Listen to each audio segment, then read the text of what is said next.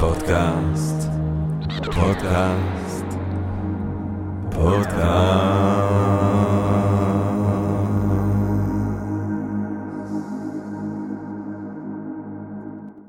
טוב, אה, גבירותיי ורבותיי, ברוכות וברוכים הבאים לפודקאסט של Think and Ring Different. אני uh, ג'רמי פוגל, ואנחנו שמחים מאוד שאתם כאן איתנו היום, גבירותיי ורבותיי, ואנחנו רוצים להתחיל עם הודיה. אה, הודיה לעצם היש, הודיה לעצם הקיום, הודיה לעצם הקיום שמאפשר לנו למרות הכל וגם בתקופה הזאת להיפגש כאן, להרחיב את הדעת, להרחיב את האופקים, ללמוד, אה, אה, לגרות את הסקחנות ואולי למצוא השראה, אולי איזה רעיון נשגב פתאום, איזה רעיון מלא בפליאה, לכו תדעו. אה, ויש לנו גם הודיה לחסות שלנו היום, ומי החסות שלנו היום? Think and read different גבירותיי ורבותיי, שמז... אה, אה, ולא הרצאות מקוונות גם בזמן הסגר, אה, יש לכם את מדענים מדברים על תורת הקוונטים, דורון פישלר על דחיינות, אמנון הלל על ספרי הארי פוטר, הדס סלווין על תפיסת המציאות אצל פגועי ראש, ואורן נהרין על המאפייה, או המאפיה, סליחה, על המאפיה היהודית. אה, יחי ההבדל הקטן. אה, ועוד כל מיני דברים שאפשר למצוא בדף של Think and Ring Different בפייסבוק. אה, think and Drink Different, אנחנו חושבים על Think and Drink, אנחנו חושבים על Drink, אז כאילו כמובן שהאסוציאציה היא אלכוהול.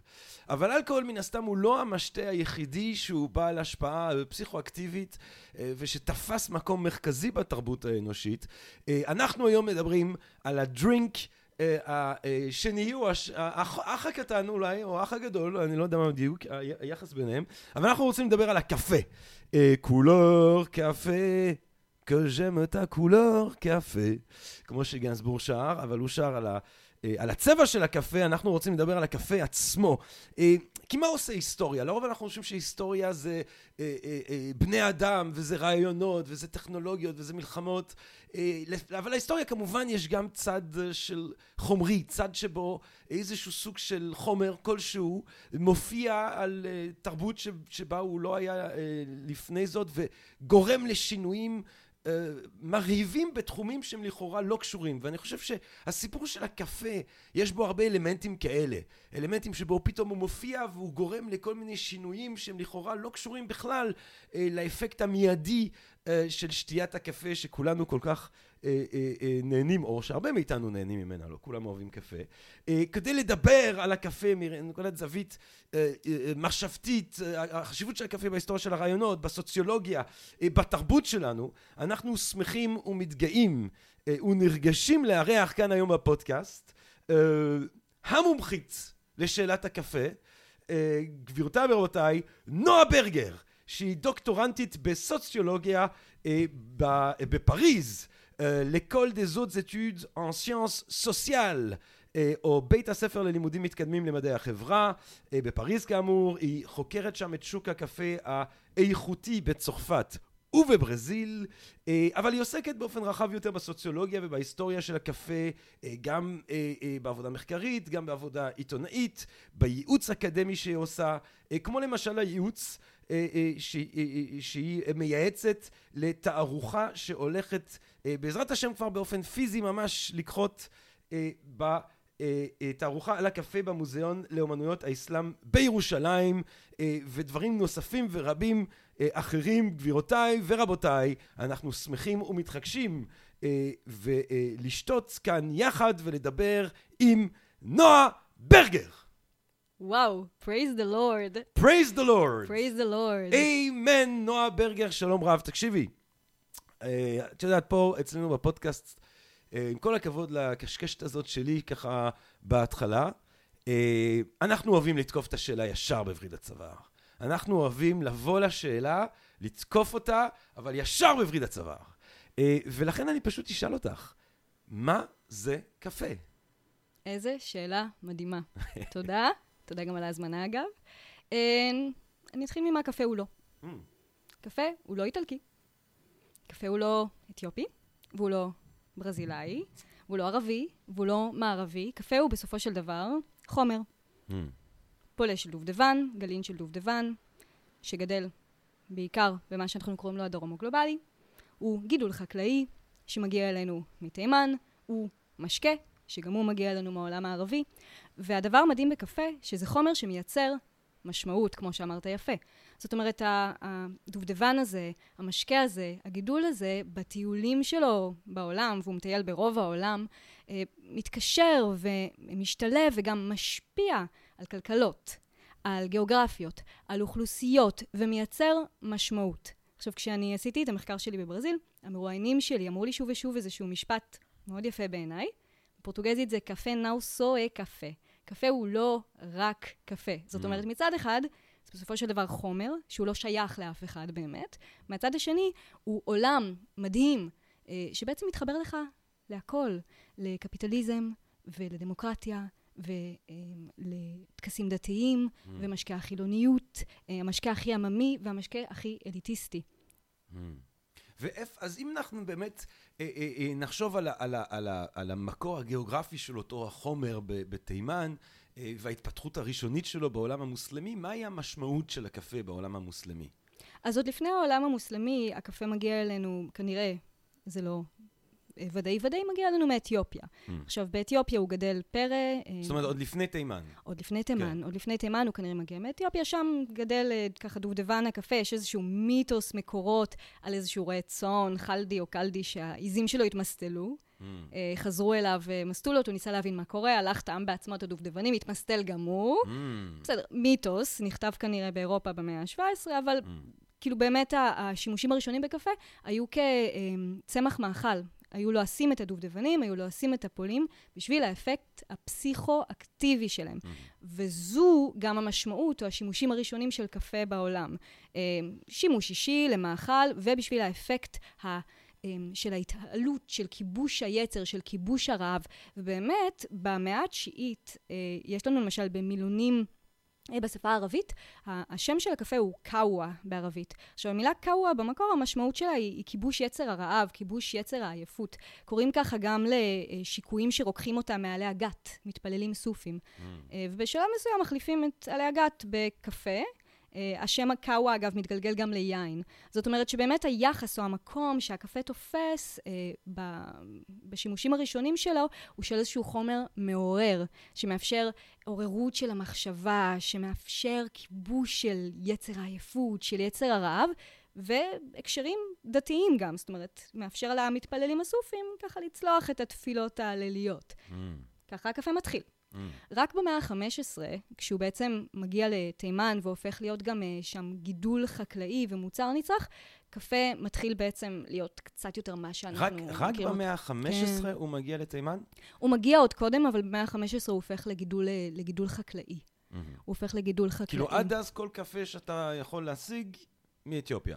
Uh, כן, אני חושבת שהוא מגיע לתימן כבר קודם, הוא מתגלגל, mm-hmm. uh, אבל שוב, בשימושים כמו המתפללים הסופים שהם בתימן בעיקר, השימושים הם בדובדבן בעיקר, או, ב, או קצת בפולים, אבל לא אשים אותם ולמטרות יותר אישיות, אבל mm-hmm. כמוצר, צריכה, שככה מייצאים אותו החוצה גם לשאר העולם, ששותים אותו, כן. כמו, כמו היום. ואז אני, אני שמעתי פעם איזה סיפור שבאמת, שהיה אה, איסור מוחלט על לאפשר... אה, לזר לקבל אה, צמח כדי שיוכלו לגדל במקומות אחרים. זאת אומרת, הייתה בלעדיות לגידול המקומי. כן, נכון. באמת בתחילת דרכו של הקפה כמוצר נצרך, אה, תימן מצליחה ככה לשמור על, לשמור על סוד הקפה, ויש גם איזשהו, גם כנראה מיתוס על איזשהו חייל פורטוגזי שמצליח לגנוב זרעים של קפה, וככה כאילו מצליחים לשתול את הקפה בברזיל. אז באמת יש מונופול לתימן, וכל הקפה בעולם מיוצא בהתחלה. אה, מהעיר אה, מוקה. ככה הם שולטים ב... אה, בסחר בקפה. משם השם. משם השם, הנמל של מוקה. וואלה. בדיוק. ואז אז, אז מתי הקפה מתחיל להתפשט כאילו ברמה העולמית? אז מה, בעצם מהמאה ה-15 כשהוא הופך להיות גידול חקלאי ומוצר נצרך, הוא גם מתחיל לעבור בנתיבי הסחר דרך חברת הודו המזרחית, הבריטית וההולנדית. משם הוא גם מתחיל להתפשט בעולם הערבי. בסביבות המאה ה-15, המאה ה-16. הוא מגיע בהתחלה למכה, אה, מתחילים גם להיפתח שם בתי הקפה הראשונים כאלה, תחנות תדלוק לעולים לרגל, עוצרים שם, שותים איזה קפה קצר, ממשיכים uh, במסע. מגיע לאל-מדינה, מתפשט הלאה לשאר העולם המוסלמי. הסטודנטים הסופים האלה, uh, שהסתוב, ככה שהשתמשו בו כדי לרקוד כל הלילה, להתפלל, לוקחים אותו גם לקהיר, ושם גם נפתחים אה, בתי הקפה הקבועים, בתי קפה הקבע הראשונים, אה, הופכים גם להיות קצת אה, ככה איום על השלטונות, פתאום הקפה הופך ממשקה דתי למשקה חילוני, אה, מתנהל מולו גם משפט, הוא מעמד למשפט ב-1511 בבית דין אה, הקפה שרעי. עצמו. הקפה, הקפה עצמו. Mm. הקפה עצמו מועמד למשפט, 1511, מוכרז כחרם ומדרדר לחטא, אה, והדבר הזה ממשיך אגב מאות שנים אחר כך, כל האיסורים, הפתוות, מה שנקרא, בעד ונגד צריכת קפה.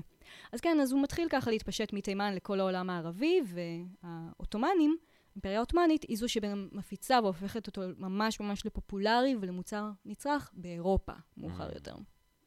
אה, ואז מה, מה הוא עושה כשהוא מגיע לאירופה? אז מה שהוא עושה כשהוא מגיע לאירופה זה, זה דבר נורא נורא מעניין. כי כשהקפה מגיע לאירופה לראשונה, זאת אומרת, הוא כבר נסחר בתחילת המאה ה-17, 1600, הוא כבר מגיע לנמלים של מרסיי וונציה, אבל הוא הופך לפופולרי דרך האליטה, בתהליך ש...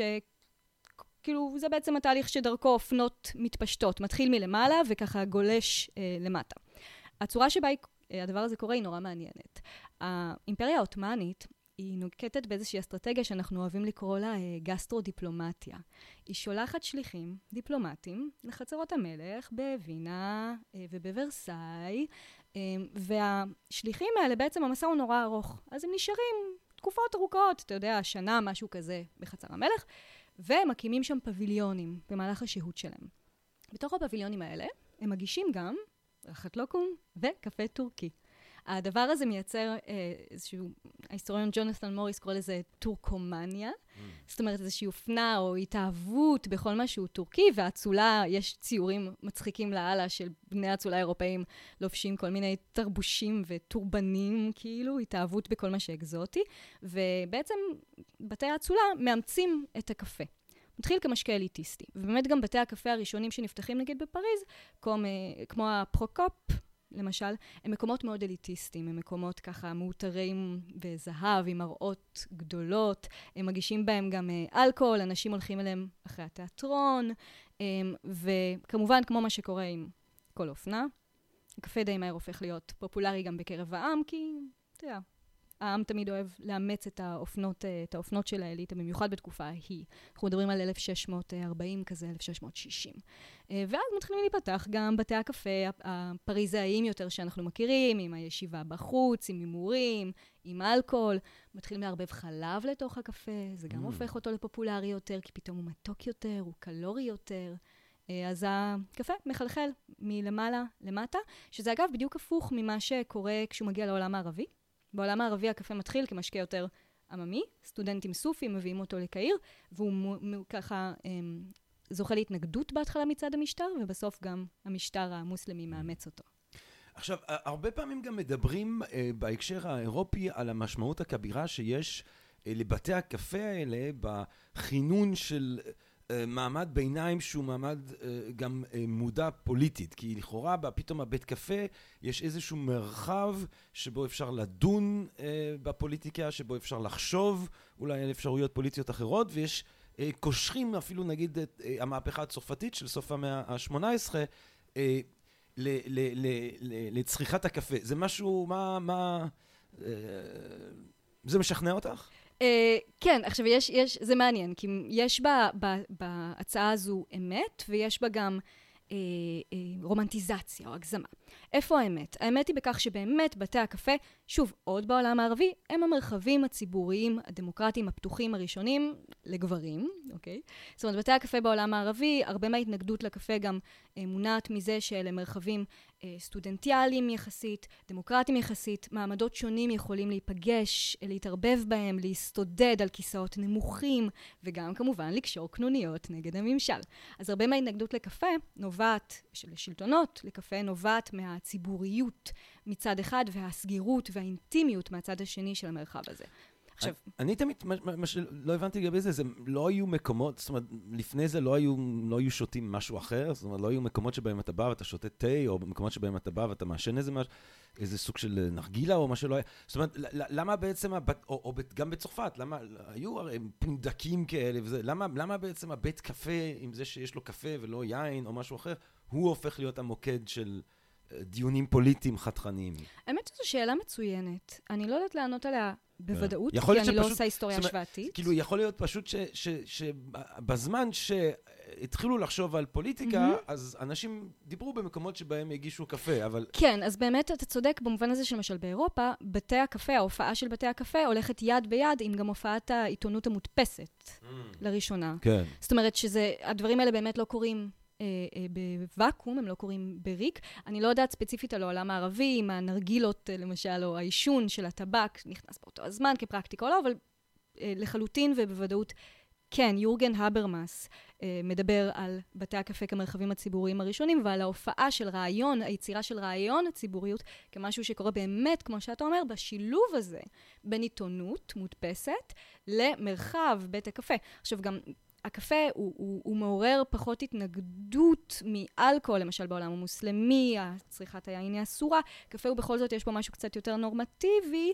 אז מרחבים כמו בתי הקפה יכולים להפוך לפופולריים. יכול להיות שכשאתה מגיש הרבה מדי אלכוהול, אנשים כזה פשוט מפסיקים לדבר על אה. פוליטיקה באופן שגורם למהפכות. נכון. כן, עכשיו, קפה הוא גם, קפה כמשקה הוא משקה מעורר. כן, הוא משקה מעורר. כן. יין או אלכוהול, זה מרדים, האפקט הוא, הוא הפוך. במובן, משכך, בדיוק, וקפה מעורר.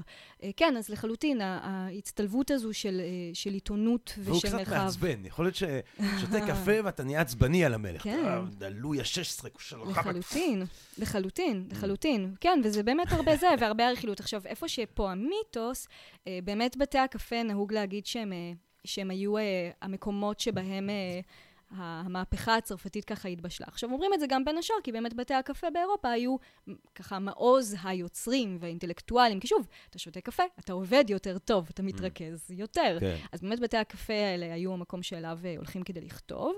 עכשיו, בפועל, זה לא מאוד סביר. למה זה לא מאוד סביר? כי אם תחשוב על זה, מי הולך לתכנן מהפכה בבית קפה ציבורי? כאילו, המקומות האלה שרצו מרגלים של המשטר. אז כנראה שזה יותר יתקיים בסלונים פרטיים, אבל בכל זאת, הדימוי הרומנטי הזה של קפה ומהפכה כן. תפס, תפס. וגם יש, יש התלהבות גם של...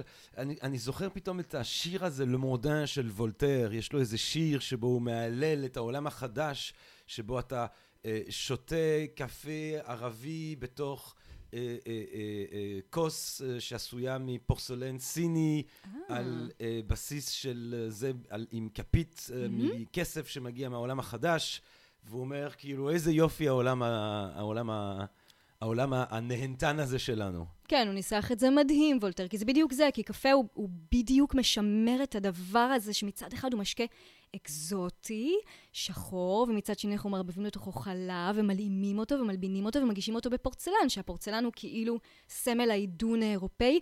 מצד שני יש בו משהו קצת גם אקזוטי, קסום, כי גם אנחנו יודעים שהוא בא מסין, וגם במשך מאות שנים האירופאים מנסים להבין איך להכין פורצלן, הם לא מצליחים. כן. הם לא יודעים כן. איך. אז יש משהו כזה מיסטי, ומצד שני, המשקה הכי נגיש, יומיומי, כולם שותים אותו, הוא זול בגלל שהוא גדל בקולוניות, אז באמת יש בקפה איזשהו כוח או מטען בזה שהוא הכל. Mm, הוא הכל, כאילו. מעניין. כן. אה, אז הקפה מלווה, או לא, קשה אולי לשים אותו בתוך הקשר סיבתי, אפשר להגיד שהקפה גורם למהפכה הצרפתית, אבל הוא מלווה את המהפכה הצרפתית. הוא נוכח אה, במרחב שבו אה, מתחוללת לה המהפכה הצרפתית, וכל אחד מהמאזינות והמאזינים יכול לנסות להעריך אם יש פה סיבתיות או יש פה פשוט אה, אה, אה, אה, אה, אה, מוגבלות היסטורית כלשהו. הצטלבות כן. כזו. הצטלבות כזו, כן. כן, כן. אה, אבל אז אנחנו כבר אה, אה, מתחילים להגיע למאה ה-19, למאה ה-20. אה, מה, איזה, איזה תמורות קורות לצריכת הקפה, למשמעות של הקפה ב, בתקופה כאילו ממש כבר כמעט אה, עכשווית הזאת? התעשייתית. אז באמת מה שקורה כשהקפה הופך, למ- במהלך המהפכה התעשייתית, הקפה הופך למוצר מתועש. Mm. מתחילים לייצר אותו באופן תעשייתי, זאת אומרת, בכמויות הרבה יותר גדולות, וזה מתלווה לשלושה דברים שקורים. קודם כל, יש עלייה משמעותית בצריכה ובדרישה לקפה, אה, בעיקר בגלל אה, ארצות הברית. שארצות הברית הצעירה אה, הופכת להיות אה, אה, סוג של מעצמת קפה, זה קשור גם לתחייה של התה.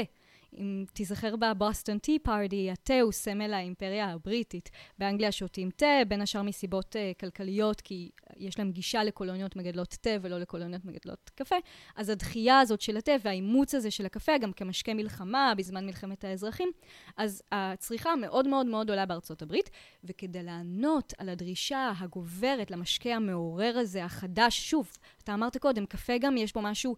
אה, חדשני, יש בו משהו צעיר, הוא משקה שמגיע יחסית מאוחר, לומדים איך לשתול אותו יחסית מאוחר, הוא מגיע מהקולוניות, מהעולם החדש. אז כאילו, הוא הופך להיות סמל האומה הצעירה, וכדי לענות על הדרישה הזו, מגדילים גם את הייצור שלו בעולם הקולוניאלי. כי מה שקורה כמובן במהלך המאה ה-18, זה שהאירופאים מצליחים ככה לשים את ידם על זרעי הקפה, על סוד גידול הקפה, ולוקחים את הקפה ושותלים אותו בערך בכל העולם. אז פורטוגל לוקחת את הקפה אה, לברזיל. ספציפית, אגב, כשנפוליאון פולש אליה אחרי שהוא מאבד את הקריבים, נוטעת אותו בכמויות פסיכיות שם כדי לענות על הדרישה, הופכת להיות יצרנית הקפה הגדולה בעולם. צרפת שותלת קפה בקריבים, כשהיא מאבדת אותם היא פונה לדרום-מזרח אסיה, ובעצם הדבר הזה יש לו כמובן מחיר מאוד כבד, כי הגידול בייצור של הקפה כמובן נעשה על ידי עבדים שנחטפים מכל רחבי יבשת אפריקה אה, ומנוצלים, זאת אומרת, דם, יש, יש מחיר של דם, יזע ודמעות אה, לעלייה בתפוקת הקפה mm. העולמית במטעים אה, בדרום הגלובלי. Mm. אז התיעוש מאפשר להגדיל את הצריכה, להגדיל את הייצור, בהמשך גם אה, טכנולוגיה, נגיד, אה, מפתחים זנים חדשים של קפה בברזיל במיוחד, עמידים יותר, כמו זן, ה, זן הרובוסטה, נגיד, רובסט, כשמו כן הוא, אה, שמאפשר לווייטנאם להפוך ליצרנית קפה ענקית. אז אנחנו מגדילים את ייצור הקפה, בהמשך הוא גם הופך להיות סם המלחמה למשל, כשממציאים את קפה האינסטנט, קפה בריסוס ואקום, אפשר לשלוח אותו לסוחות, הוא מאוד עמיד. Uh, הטכנולוגיה גם מאפשרת שוב יצירה של משקאות uh, עבודה, והקפה גם הופך עוד יותר למשקה עבודה. תחשוב על האספרסו. Mm. משקה נורא נורא מהיר הזה, mm. שאפשר uh, להוריד אותו ככה כמו צ'ייסר, כן. uh, בהפסקות, uh, בהפסקות עבודה.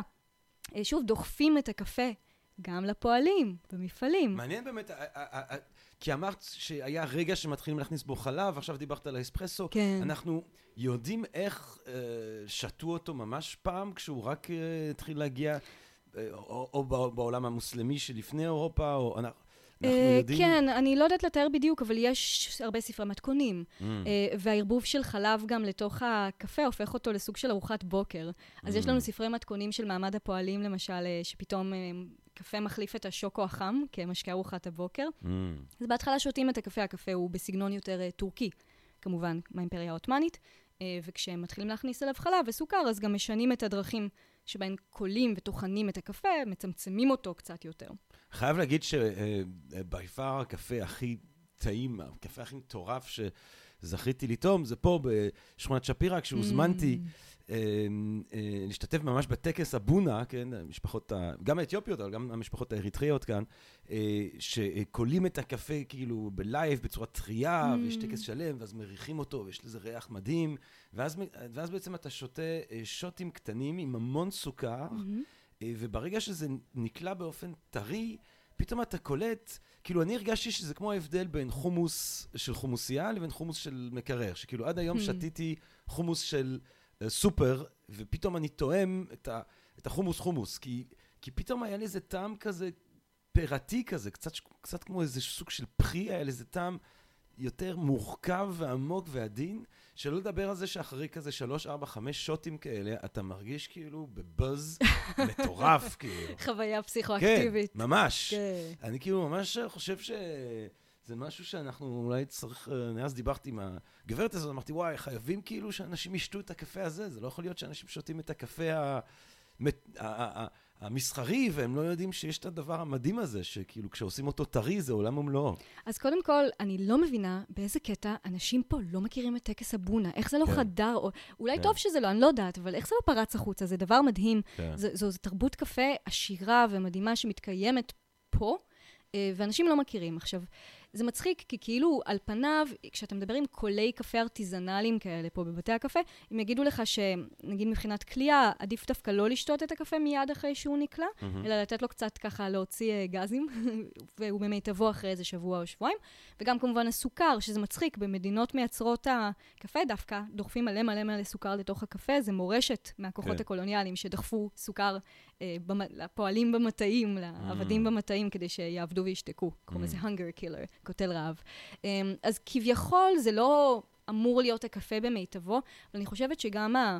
וזה העניין עם קפה, זאת אומרת, החוויה הארומטית שאתה עברת שם, זה שאתה נמצא שם ואתה מריח את הריחות של הכלייה, ומגישים לך אותו בטקסיות מסוימת, ואתה שותה אותו בתוך הקשר מסוים, הדברים האלה משתתפים כל כך בחוויה של הטעם וההנאה ממוצר, האווירה, הכוס הקטנה, אה, אה, השפה של הכוס, העובי שלה.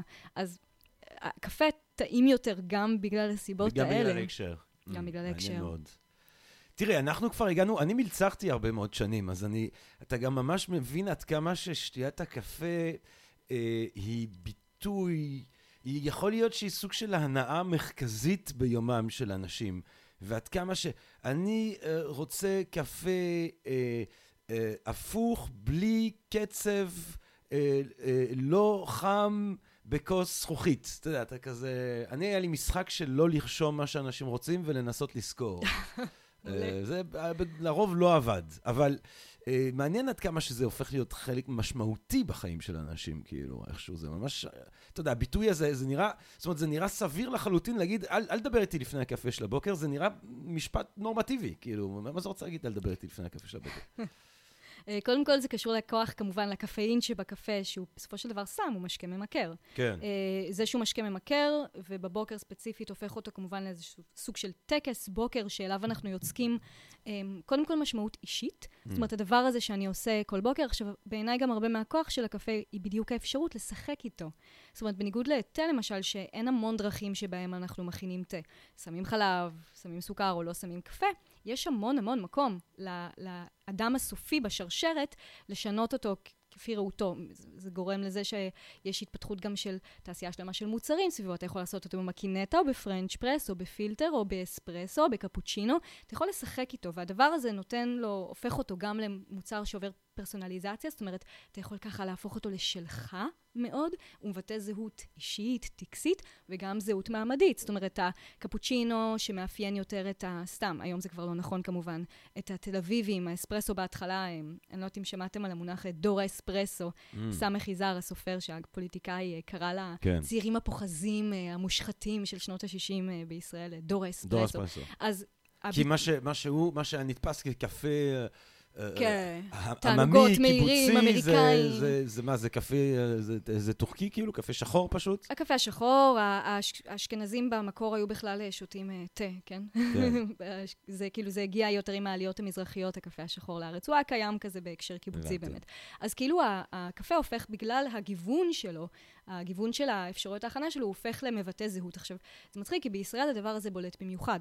במקומות כמו צרפת, תרבות הקפה הרבה פחות מגוונת. זאת אומרת, יש את הפטי נואר, ששותים, השחור הקטן קוראים לזה, כן. ששותים בבית הקפה, או הנואזית. יש את הקפה ששותים בבית, ה- יש קפה עולה, שזה... יש את הקפה עולה, שאני לא כן. כל כך מכירה אנשים ששותים אותו שהם לא תיירים, אבל יש כן. את הקפה עולה, זה קיים. אה, אנשים שותים בבית בצרפת היום בעיקר אה, נספרסו, בעיקר קפסולות בקטע מצחיק, או קפה פילטר שאנשים קוראים לו מיץ גרביים, ז'ו דה שוסט, אה, אה, כי הוא מגעיל. אבל בישראל, באמת, תרבות הקפה היא נורא נורא מגוונת ומפותחת. זה קשור לזה שבישראל בכלל אנשים נורא אוהבים אה, לעשות התאמה אישית אה, אה. לצורה שבה מה הם אוכלים. באמת אה, אה, אה, הת- התמורות, מה את יכולה להגיד לי על התמורות של שתיית הקפה בישראל? אה, שתיית הקפה בישראל, דבר, שוב, אה, מדהים, כי כל פעם נכנס איזה משקה חדש, וזה מרגיש שכאילו זה רק מתרחב ומתרחב כל הזמן. אז אם יש לך כמובן את ההיסטוריה הארץ-ישראלית או הפלסטינית של הקפה, שזה תרבות הקפה העות'מאנית, אה, כשמגיעים לך יהודי אירופה, הם מביאים איתם לא כל כך את הקפה, אבל את המודל הזה של בתי הקפה. אה, אה, שוב, זה קצת מחזיר אותנו אחורה. בקהילות היהודיות של אירופה, יש היסטוריון בשם שחר פינסקר שכותב על זה. אה, בתי הקפה משחקים תפקיד מאוד חשוב, כי זה בדיוק המקום הזה שגם אתה דיברת עליו, שבין כאילו היטמעות במודרנה ובאוכלוסייה, אבל מקום שאפשר גם לשמר בו קהילה. אז בדיוק על קו התפר הזה. אז יהודי אירופה מביאים איתם את בתי הקפה האירופאים, שהם שותים בהם בעיקר תה וקצת אלכוהול. כן. ורק באמת, והקפה השחור, יש איזשהו ניכוס שלו אה, על ידי העולים הראשונים האלה, בהקשרים נגיד של חיבור לטבע ולאדמה. זה כמו, כמו שמנכסים חומוס ואומרים, אה, הנה, יש לנו קשר לאדמה ולמקום, כן. אז גם הקפה השחור, שותים אותו קצת בקיבוץ, אבל רק עם העליות המזרחיות, יש לך באמת את, ה, את הקפה השחור שהופך להיות אה, ככה משקה בן בית בכל בית אה, ישראלי. Mm. אחר כך יש לך... את הקפה הנמס כמובן, שמומצא אה, סביב תקופת הצנע, כי צריך פתרונות זולים יותר. יש גם קפה, אה, המבוגרים מביניכם יזכרו אולי קפה צ'יקוריה, ציקוריה, אני לא זוכרת איך קראו לזה, שזה עולש, צ'יקורי, שיקורה. דבר שנפוליאון המציא בצרפת, כשחסרו לו... עולש? עולש, עולש עם עין. מה, קפה עולש? קפה עולש, כאילו שהוא לא באמת קפה, הוא קפה שעושים אותו מעולש. וואלה. יש גם קפה חומוס. כן. אה, נפוליאון המציא את? זה. אה, אני לא טעמתי, אה. אבל הצרפתים עדיין מערבבים, אה, זה צרפתים מבוגרים יותר מערבבים את זה. בתוך הקפה שלהם. כן, כן. And we have a Napoleon to thank. ואחרי, יש לך את האספרסו שוב, שמגיע לישראל שנות החמישים, מזוהה ככה עם תרבות בתי הקפה התל אביבית. בקיצור, הדבר הזה ממשיך ומתפתח ומתרחב ומתרחב. והיום מה שמדהים זה שכל כך הרבה סוגי קפה שונים מתקיימים במקביל. הקפה הלבן התימני, הבונה האתיופית, הקפה הנמס, עכשיו הגל השלישי הזה עם המשקאות האיפסטרים שלהם, הקפוצ'ינו. אה, כן, תרבות הקפה הישראלית היא בעיניי המגוון, אולי המגוונת ביותר בעולם. מה את אומרת? כן. אנחנו על המפה. אם כי אני, טוב, לא משנה, אבל היה פרסומת, לפני כמה שנים, אחת מהפרסומות הכי גזעניות, וזה לא שחסר גזענות בעולם, אבל היה פרסומת. נוראית על הקפה השחור של אה, שטראוס, שמה? שיש איזה טייס של אל על, שהוא כל כולו כזה, הטייס של אל על, האשכנזי הזה, והוא בסיני, ויש שם איזה משהו שנראה כמו איזה ציור גרמני של יהודי, אבל בגרסה של ציור של אה, ערבי בסיני, שהוא יעשה את הקפה, אבל כמובן שהטייס הלבנבן של אל על יודע לעשות קפה הרבה יותר טוב. מאותו סוג של ליצן מזרח תיכוני שם בסיני, ואז עשו עוד איזה פרסומת שהוא מגיע עם הגמל שלו לדיזנגוף. משהו מזעזע, כאילו רק על זה אפשר לכתוב איזה עבודה אקדמית, על, על, על תהפוכות הקפה וניכוס הקפה על ידי קבוצות כאלה ואחרות, אל מול קבוצות כאלה ואחרות אחרות בחברה הישראלית. אה, כן, זה מעניין. הקפה השחור הוא קצת כמו חומוס במובן הזה. כשנוח לנו אז הוא ישראלי, וכשלא נוח לנו אז הוא ערבי. אה, כן. תלוי לאיזה מטרות אנחנו כן. רוצים להשתמש בו. טוב, אבל זה לוקח אותנו כבר באמת לשאלה שאת חוקרת בדוקטורט שלך, Mm. ה- הקפ- ה- ה- ה- איכות הקפה, הקפה האיכותי. בצרפת ובברזיל. מה זה, מה זה, מה זה הדוקטורט הזה? תגידי. מה זה, מה זה המחקר הזה? מה את חוקרת? דוקטורט מוזר, דוקטורט כן, משונה אה? מאוד. וואו, כן. דווקא נשמע נשמע מרתק. אה, אותי זה מעניין. כן, אז מה- מה בעצם, יאללה, תני לי את הפיץ'. פיץ' מי, כמון, פיץ' מי. אוי ואבוי, אני- עכשיו אני מתרגשת, מקווה שאני לא אפשל על פיץ'. אוקיי. אה, בגדול, מה שאני חוקרת זה כאילו תנועה, הם קוראים לעצמם היום הגל השלישי של הקפה, או ספיישלטי קופי באנגלית, שבעצם מנסה לעשות את הדבר הבא. הם לוקחים את הקפה, שהם מוצר צריכה, שהוא מוצר צריכה בסיסי, יומיומי, פשוט, ואומרים לך, בואו נחשוב על הדבר הזה מחדש. בואו נעשה לו איכוטיזציה. תקשיבו חברים, קפה זה כמו יין. יש לו ארומות מורכבות, יש בו טעמים של יסמין, יש לו טרואר, זאת אומרת טעם של מקום, קפה מאתיופיה, אה, לא יטעם אותו דבר כמו קפה מברזיל, אפשר לטעום אותו וללגום אותו, ולא רק סתם להוריד אותו בבוקר בשביל קפאין, תחשבו אחרת על הקפה שלכם. עכשיו, הדבר הזה מתחיל, השורשים שלו הם עוד בשנות ה-70 בארצות הברית, ככה בהשראת אה, עולם היין, אה, והבישול המקומי כזה, ג'וליה צ'יילד בסן פרנסיסקו, הביטניקים, זה מתחיל לצמוח אז, ממשיך ככה עם סטארבקס, והיום יש איזה גלגול חדש של הדבר הזה, שוב, קוראים לעצמם הגל השלישי, בניגוד לסטארבקס הגל השני, שהתמסחרו. אה, זה קשור, ל- אנחנו לפעמים מתארים את זה כאיזושהי תנועה היפסטרית, זאת אומרת שיש פה הקשר מעמדי מאוד מסוים, ככה ילידות גלובליות, מאוד אנגלו-סקסוני, זה מגיע ממלבורן ולונדון. בקיצור, התנועה הזו, שאומרת בואו נחשוב מחדש על קפה כמוצר איכות, מגיעה למקום כמו צרפת. ואומרת לצרפתים, אה, שרי, אתם אמנם יודעים איך להכין אוכל מדהים, יש לכם כבוד למוצר, אבל קפה אתם לא יודעים איך לעשות. בואו נלמד אתכם. בואו נראה לכם איך לחשוב מחדש על מוצר מאוד בסיסי, ואותו הדבר קורה גם ברמת החווה. אה, ברזיל גם ספציפית, מקום שנחשב אה, כמקום שמייצר קפה יחסית גנרי, יחסית סטנדרטי. אז אני בעצם בודקת איך תנועה כזאת היפסטרית, מאוד אנגלו-סקסונית, מגיעה לשני המקומות האלה ומנסה ככה לעשות איזשהו סוג של מסע ומתן על, אה, על המשמעות או על הדרך שבה אנחנו חושבים על קפה. עכשיו, כמובן שכסוציולוגית אני לא עוצרת שם. אני מנסה לבדוק איך המפגש הזה, הצרימות האלה, המפגש בין השיח הגלובלי לשיח המקומי, אה, מייצר קונפליקטים, מייצר צרימות, ואיך בדיוק פותרים את הדברים האלה. עכשיו, הכיוון שאני הולכת אליו, הטענה שלי היא שאל מול הביקורת הזו של הקפה שלכם גרוע, אה, הגל השלישי הזה של הקפה, הקפה האיכותי, אה, מנסה לשכנע אותנו שהם מייצרים מוצר שהוא אותנטי. Mm. מוצר שהוא מבטא אותנטיות. אה, מה זאת אומרת מבטא אותנטיות? שיש לו גם טעם של מקום, מזוהה, אה, שאנחנו יכולים לזהות אותו גם דרך החך, אבל גם שהוא מוצר שדרכו אנחנו יכולים להפוך לאנשים אותנטיים יותר, לצרכנים אותנטיים יותר. אז יש תרבות שלמה למשל של טעימות של קפה. זאת אומרת, אני מפתח את החך שלי, אני מפתח את הידע שלי, אני מפתח את היכולת שלי לזהות טעם אמיתי, טעם אותנטי שהוא טעם מסורתי יותר, טעם טבעי יותר. אמ, ובקיצור, אני מחברת את כל הדברים האלה לשאלות באמת יותר אה, כלכליות, שקשורות ככה ל... ל... אנחנו קוראים לזה רוח הקפיטליזם המאוחר. זאת אומרת, איך אנחנו חושבים בכלל על מוצרים, ואיך הדבר הזה נכנס אל תוך הגוף שלנו, אל תוך החך שלנו, אל תוך הטעמים שלנו, מה אנחנו אוהבים, מה אנחנו רוצים לדעת, במה אנחנו חושקים ומה אנחנו מרגישים. Mm. תראי, אולי, אה, אני, זה נראה לי משהו שבטח מתלווה לשאלות שאת שואלת במחקר שלך, mm. אה, וזה באמת, אתה שומע המון על אה, ניסיונות או של קפה מוסרי, זאת אומרת, שקפה mm. שמיוצר בתנאים מוסריים וכולי, ואז זה כמובן גורם לנו לחשוב על מה, מה הדיפולט, זאת אומרת, אם צריך לקנות ביותר כסף קפה שהוא כאילו גם... אה, מיוצר בצורה שלא פוגעת בזכויות אדם, mm-hmm. אז כנראה שרוב הקפה, אה, כמו לצערנו המון אה, מוצרים בעולם הזה, מוצרים בתנאים שהם, שהם תת-תנאים, או שהם תנאים שפוגעים בזכויותיהם הבסיסיים של אנשים. מה, מה את יכולה להגיד לי על, על, על הזווית הזאת? זאת אומרת, מה, מהו המצב הזה ש, ש, שהקפה שהוא מנסה להיות קפה... אה, אה, או, או מוצר עם אחריות mm. מוסרית, אל מול מה הוא מתנגד בעצם? מה קורה בתעשיית הקפה שהוא כל כך uh, מזעזע? אז זאת שאלה מצוינת, כי uh, כשאני מדברת על צרימות או על קונפליקטים, הם לא רק בין המקום הכאילו גלובלי, האיפסטרי, לתרבות ולמסורת, אלא גם יש באמת קונפליקטים פנימיים. כי התנועה הזו לקפה איכותי אומרת, האיכות היא לא רק בטעם, זה לא רק קפה שהוא טעים, זה גם קפה שהוא מוסרי, שהוא אתי, שהוא מאפשר קיימות. עכשיו, הבעיה עם קפה זה שזה מוצר שבי דיפולט ובבסיסו הוא מוצר ש, שמגלם בתוכו אי שוויון, ניצול ופגיעה סביבתית מאוד משמעותית. מה את אומרת? איך? קודם כל, קפה הוא במקור שלו, אה, הוא סחורה קולוניאלית, זאת אומרת, יש לו את העבר שהוא ככה לוקח איתו, טומן בתוכו של ניצול, של עבדות. עכשיו, היום כמובן קפה לא מיוצר בתנאי עבדות, אבל הוא כן מיוצר בתנאי ניצול.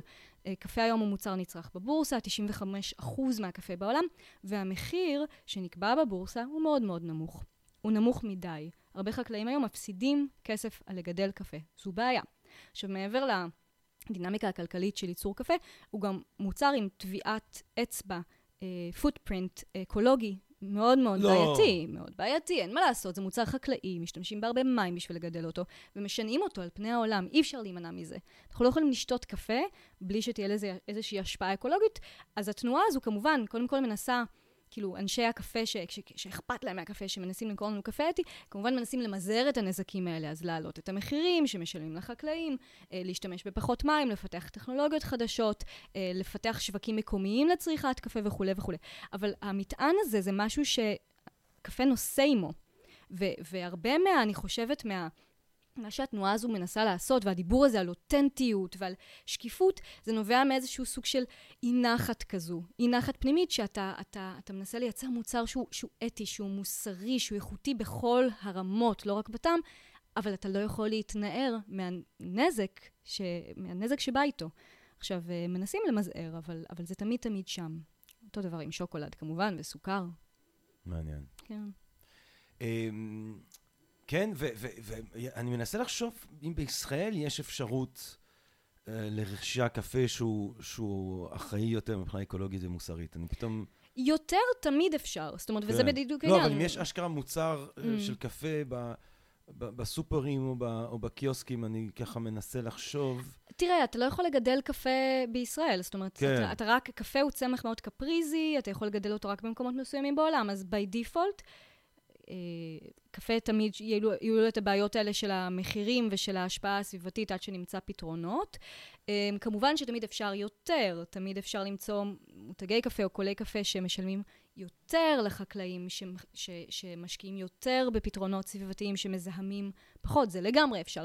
אבל שוב, זו, זו גם אשליה, כי אנשים אוהבים לתקוף את הקפה, כי המקורות האקזוטיים כביכול, במרכאות אה, מרובעות, אה, ברורים או מוכרים לנו, אבל אם אתה חושב על זה, סוכר, אותן בעיות, בדיוק. Mm. סוכר אמנם מייצרים אותו גם מסלקים בצרפת, אבל סוכר זה גם סחורה קולוניאלית, שוקולד גם, כל, כאילו, וסוכר יש הרי בכל מה שאנחנו אוכלים, אז גם יש פה איזושהי... אה, אה, נוח לתקוף את, ה, את הקפה כמוצר אה, מזהם, למשל, שגורר אי שוויון, כי אנחנו מודעים לזה שהוא מגיע מברזיל, אבל בסופו של דבר כמעט כל האוכל שאנחנו צורכים, יש בו אה, קמצוץ או כורטוב לפחות של ניצול, של פגיעה אקולוגית ושל אי שוויון, ואי אפשר להתחמק מזה, אפשר רק לגדל את כל האוכל שלך בבית, בחצר. בון אפטי, כאילו, את אומרת. בון אפ.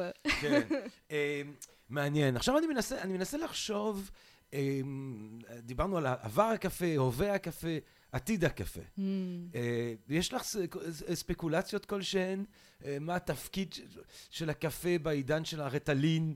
אה, בעידן שיש אולי מוצרים שעושים את מה ש... זאת אומרת, כי, כי תראו, אני, יש לי איזה בדיחה שתמיד הייתי אומר, שהלוואי והקפה היה עושה את מה שספיד או אמפטמינים עושים, אה, mm. אם זה רטלין, טוב, רטלין בגדול זה אמפטמינים, כן? Mm-hmm, mm-hmm. או קוקאין, או אמפטמינים, או רטלין, או מה שאנשים צורכים כדי ככה להתעורר ולעבוד ביתר שאת, או לעשות דברים אחרים. הקפה הוא טיפה, הוא פחות, הייתי אומר, מז'ורי בהשפעה mm. שלו מאשר החומרים האלה. אבל מצד שני זה גם מעניין שהוא מתפקד אה, כמשהו שבא לדרבן עבודה, כאילו זה עוד סממן קפיטליסטי מאוד, כאילו אומרים שעם הסמים של שנות ה-60 זה היה אה, LSD וויד, ואז אתה בעצם לא כשיר לעבודה, אבל אתה כשיר אולי לחלום על עולם אחר. אה, הסמים של תחילת המאה ה-21 הם סמים שמדרבנים לפרודוקטיביות יתרה, mm-hmm. ו- אבל, אבל אני תוהה אם... אם, אם הקפה בעולם הדיגיטלי מקבל משמעות חדשה, אם החומרים האלה מאיימים אולי באיזושהי צורה על הסטטוס שלו, אם אולי ההשפעה הפסיכואקטיבית שאנחנו מחפשים היא צריכה להיות השפעה אחרת, כאילו יש לך מחשבות כזה על... בטח, בטח, יש לי, יש לי הרבה מחשבות על זה. אז קודם כל אני לא חושבת שהסיבה שאנחנו צורכים אה, בגינה קפה היא בגלל הכוח הפסיכואקטיבי שלו, זאת אומרת הקפאין משחק פה תפקיד, אבל למשל בתה יש יותר קפאין.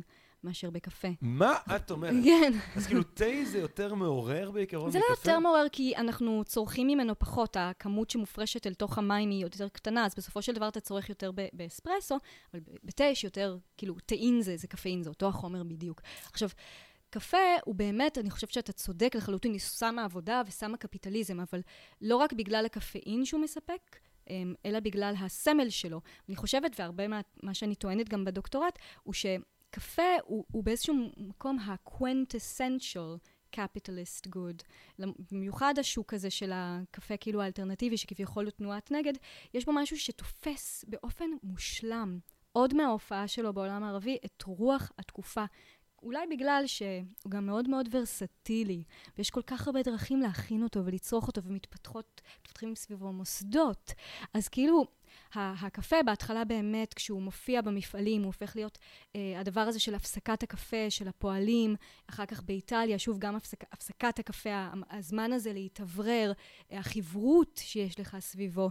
אה, שוב, חברות שהוא מאיים, אבל לא מאיים כמו אלכוהול, כי הוא לא גורם לך גם לאבד שליטה.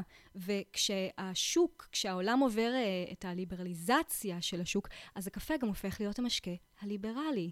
הוא עונה על הצורך הזה במוצרי נישה, uh, שמבטאים זהות. ואז, mm. נגיד, רשתות כמו סטארבקס, הקפה שם, אנשים לא, לא בהכרח הולכים לסטארבקס לא רק בשביל הקפאין, זה, זה איזשהו משהו שמבטא את הזהות שלך כצרכן. כשאתה הולך לבית הקפה, אז זה כדי... כן, גם כן. סטארבקס?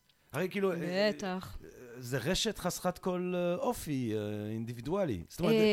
אבל זה בדיוק העניין, סטארבקס זה סמל לכל אחד והבית קפה שלו, ואתה יודע, הוא הולך לשם, ואני יושב פה, ואני יושב שם, אז בישראל ספציפית סטארבקס לא כל כך תפס, בארצות כן. הברית למשל, כן. ובהרבה מהעולם סטארבקס הפך להיות, היום זה כבר קצת יותר בדעיכה, אבל סטארבקס זה הסמל העירוניות הקוסמופוליטית של שנות ה-90 ושנות ה-2000. היום מחליף את סטארבקס באמת הגל השלישי הזה. אז במקום ללכת לרשת, אני, אני צרכנית של הגל השלישי, אני הולכת לבית קפה א' וב', וגם זה הופך להיות איזשהו סמל לזהות. שוב, זהות מעמדית, זהות אישית, איך אני שותה את הקפה שלי. עכשיו, אני, לא, אני אישית לא רואה, לפחות לא כרגע, לפחות לא בזמן הקרוב, איום על הקפה, כי גם מרחבי בית הקפה עדיין תופסים מקום מאוד מאוד מרכזי בהגדרת הזהות שלנו, וגם הקפה בבית, איך אני שותה, וזה שוב, הוורסטיליות שלו. איך אני שותה את הקפה שלי בבית, הטקסיות הזו, זה שיש לי שליטה כל כך גבוהה על איך אני מכינה את הקפה שלי, זה אומר עליי המון, זה מבטא עליי המון. זו לא רואה סיבה שזה ייעלם, ונגיד עכשיו אפילו בקורונה, זאת אומרת, אין ירידה בכמה קפה אנשים צורכים, אנשים ממשיכים לעשות קפה בבית.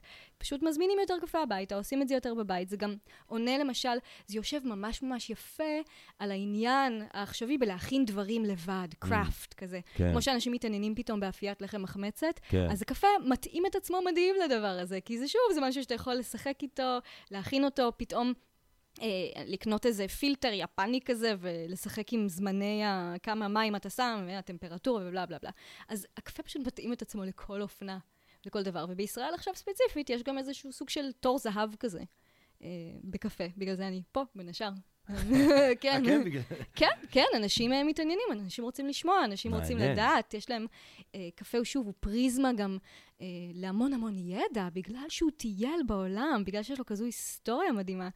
אז זה גם ליבר, uh, um, כזה חלון או מנוע לידע. איך את, נועה ברגר, שותה את הקפה שלך? אני שותה את הקפה שלי בכל דרך אפשרית, כי שוב, מה שכיף לי בקפה זה הגיוון. Uh-huh. אז יש לי תקופות שאני שותה אל נחלה ירוק עם הל, ולפעמים אני שותה קפוצ'ינו. מה זה היה? אל נחלה. מה זה? זה קפה שחור כזה, אבל כזה מותג כזה, אני חושבת שזה משפרעם או משהו כזה, אה, שיש בתוכו אל הכי כזה גנרי זה. אה, אני שותה בחוץ קפוצ'ינו, חלב רגיל, חלב שקדים, חלב שיבולת שועל, אני אשתה גם אספרסו וקפה פילטר ופרנץ' פרס וטורקי, אני שותה הכל. אני אוהבת הכל. מה הקפה, כי אני מניח שבכל המסעות המחקר שלך, אם בצרפת, אם בברזיל, אם בארץ, mm. אני מניח ששתית הרבה באמת סוגים של קפה, יותר אולי מהאזרח התמים הרגיל, mm. הממוצעת. אמ, מה, מה היה, מה, מה, מה הקפה שאת אומרת, וואי, זה? היה, הייתה כוס קפה אחת. וואה. שהייתה כוס הקפה הכי מעניינת והכי מגניבה ששתיתי בחיים. כשנסעתי לברזיל בפעם הראשונה, נסעתי לאליפות העולם בקפה. יש דבר כזה. אה. יש כל שנה תחרות ענקית, שאנשים בכל העולם מתחרים ביניהם בריסטות, והמנצח בכל מדינה, ככה מכיסו הרבה פעמים, נוסע לאיזשהו מקום בעולם, ויש שם תחרות ענקית. אז אני, באותה שנה התחרות הייתה בברזיל.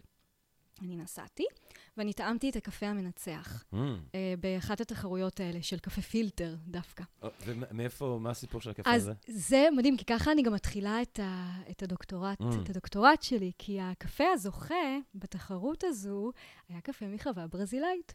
Mm. היה קפה מחבר ברזילאית, והיה דיבור נורא מעניין סביב הניצחון הזה. זו הייתה מתמודדת, זה היה מצחיק, זו הייתה בחורה יפנית. שגרה בשוויץ, אז היא ייצגה במירכאות את שוויץ, עם קפה ברזילאי, שאיזשהו סוג של זן קפה נשכח כזה, ששחזרו אותו, ועשו אותו עם שיטה שלקחו מעולם היין, שהתסיסו את הדובדבנים בתוך מכל, בלי חמצן, במשך שלושה ימים. אז הקפה הזה באמת... היה מקור לגאווה עבור ברזיל, וזה שמישהי ניצחה עם קפה ברזילאי בברזיל, כשברזיל היא אנדרדוג כזה, וכל התנועה הזו של הקפה האיכותי, אז זה היה גם נורא מרגש וטעון בהרבה, הרבה, הרבה מטען תרבותי. באמת הקפה הזה היה ממש מגניב, כאילו אנשים לא יכולים לדמיין בכלל קפה של תחרויות וקפה של מכירות פומביות, הוא כבר קרוב יותר לאיזשהו תה סופר ארומטי או מיץ, היה לזה טעם של בננות, כאילו אתה שותה מיץ בננות עם כזה נגיעות של יסמין, אבל זה באמת מה שזה היה, כי כי, כי, כי זה משהו אחר, זה לא... מה את אומרת? זאת אומרת, אה, אה, אבל זה היה, היה לו את הצבע של קפה? כן, כן, זה נראה כמו כוס קפה פילטר לכל דבר. ומה, היא הגישה את זה עם סוכר? מה, לא, התנועה לקפה איכותי, הספיישלטי קופי הזה, באופן עקרוני מאוד מתנגדת לשימוש בסוכר. אם זה מה ש... הרבה בתי קפה, אם זה מה שהלקוח רוצה, כמובן, זה מה שהלקוח כן, יקבל, אף אחד לא פוסל או שולל, אבל הבריסטות ואנשי הקפה לא שמים סוכר. אני בגדול שותה סוכר עם קפה. כאילו, זה לא... אני לא שופטת, אני לא, כן. בניגוד, כשאנשים מתחילים, הרבה אנשים כותבים לי באינסטגרם ובפייסבוק, והרבה פעמים מתחילים את השיחה בהתנצלות. אומרים לי, אני ממש מקווה שלא תשפטי אותי, אני שותה עם סוכר, או אני שותה בסטארבקס, או אני שותה נספרסו, אני... הכל בסדר, כאילו. כן. אה, כל אחד שיעשה מה שטוב לו ומה שכיף לו. אבל הסוכר, כאילו, בסופו של דבר, אם אתה מפסיק לשים סוכר בקפה, אתה קולט אחרי כמה זמן שקפה הוא משקה די מתוק.